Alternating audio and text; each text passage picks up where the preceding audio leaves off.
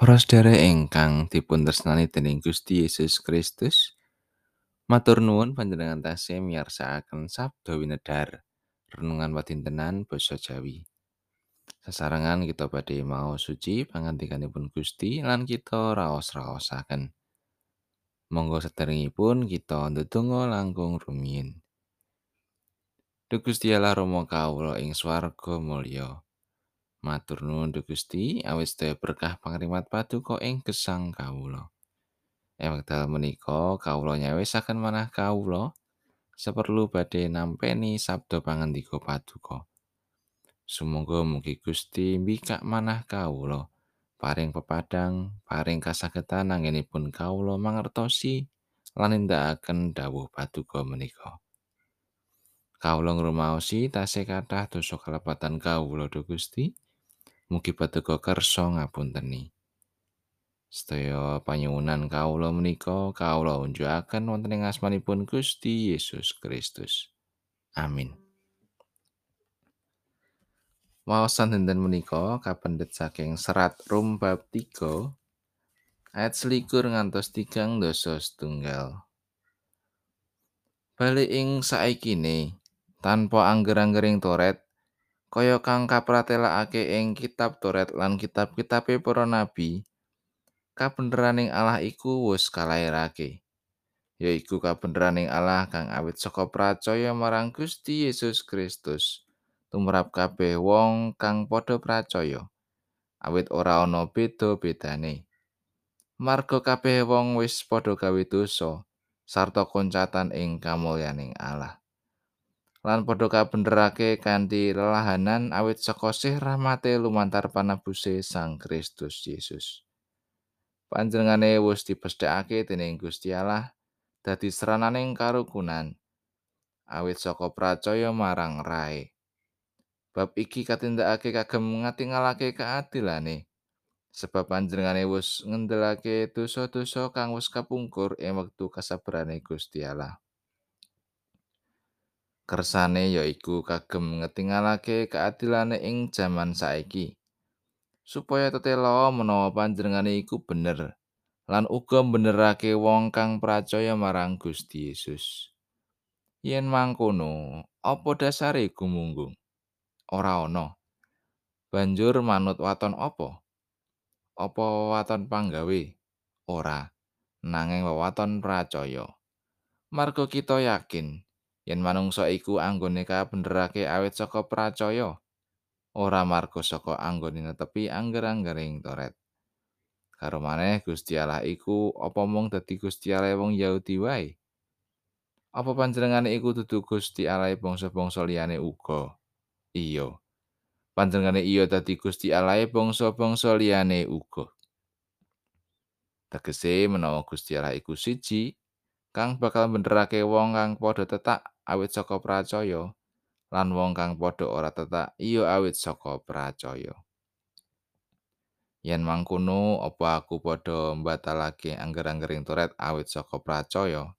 Babar pisan ora aku malah padha njejekake Mangatan pangandikanipun Gusti ayat naseng ayat sekawan likur. Lan padha kabenerake kanthi lelahanan awit saka sih rahmate lumantar panabuse Sang Kristus Yesus.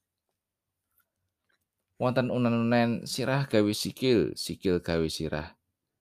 Tentu unen-unen cunduk kados tiang sepuh ingkang berjuang kagem kula wentah lan masa depan putra-putrinipun. Mila wonten lagu wit aku isih bayi ingkang cakepanipun mekaten. Wiwit aku isi bayi. Wong tuwa sing ngopeni. Ganti tumeka saiki Tetep tunggu pamuji. Mangkat disangoni Sandang pangan wis mesti Mula aku wajib bekti Turut bangun ngajeni Menapa kita badhe nglirwakaken lan dadosaken muspra sedaya katresnan perjuangan lan pangorbananipun tiang sepuh kita? Perkawis ingkang sami. Menapa ingkang sampun ketindakaken dening Sang Kristus Yesus kalih ewu taun kapengker? Panjenenganipun ngorbanaken sarira tuwin rahipun kangge nebus dosaning jagat lan kita sedaya. Kados pangandikanipun wonten ing kitab Rom 3 ayat 23 marga kabeh wong wis padha gawe dosa sarta koncatan ing kamulyaning Allah nanging katresnan lan pangorbananipun Gusti ndatengaken panebusing dosa lan sih rahmat. Kados surau sing Rom 3 ayat 21. Lan padha kabenerake kanthi lahanan. Awit saka sih rahmate lumantar panebuse Sang Kristus Yesus. Kita menika minangka manungsa ingkang kebak dosa. Panerak lan kalepatan wonten ngarsanipun Gusti. Sedaya patrap gesang kita ingkang sae, dedono ingkang kathah, peladosan ingkang hebat menika mboten saged milujengaken kita. Nanging puji Gusti awit sih rahmatipun Allah. Panebusing Sang Kristus Yesus kita tetes umat ingkang kaleresaken lan kawilujengaken. Pramila sedaya lampah gesang, pangibadah, so pelatusan dateng Gusti lan sesami menika wujud raos syukur awit sih rahmatipun. Amin.